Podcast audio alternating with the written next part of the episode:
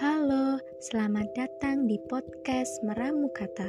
Di podcast ini, saya mengajak kalian meramu kata demi kata untuk menyampaikan sebuah rasa.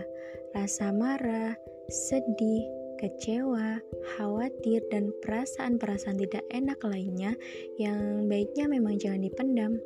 Semoga setelah mendengar setiap rangkaian kata dalam podcast ini, saya dan kalian semua bisa lebih berani dan semangat dalam mengarungi setiap jengkal kehidupan ini. Ya, kita masih diberi jatah napas panjang oleh Tuhan. Jadi, jangan kalah dengan segala rintangan. Selamat mendengarkan.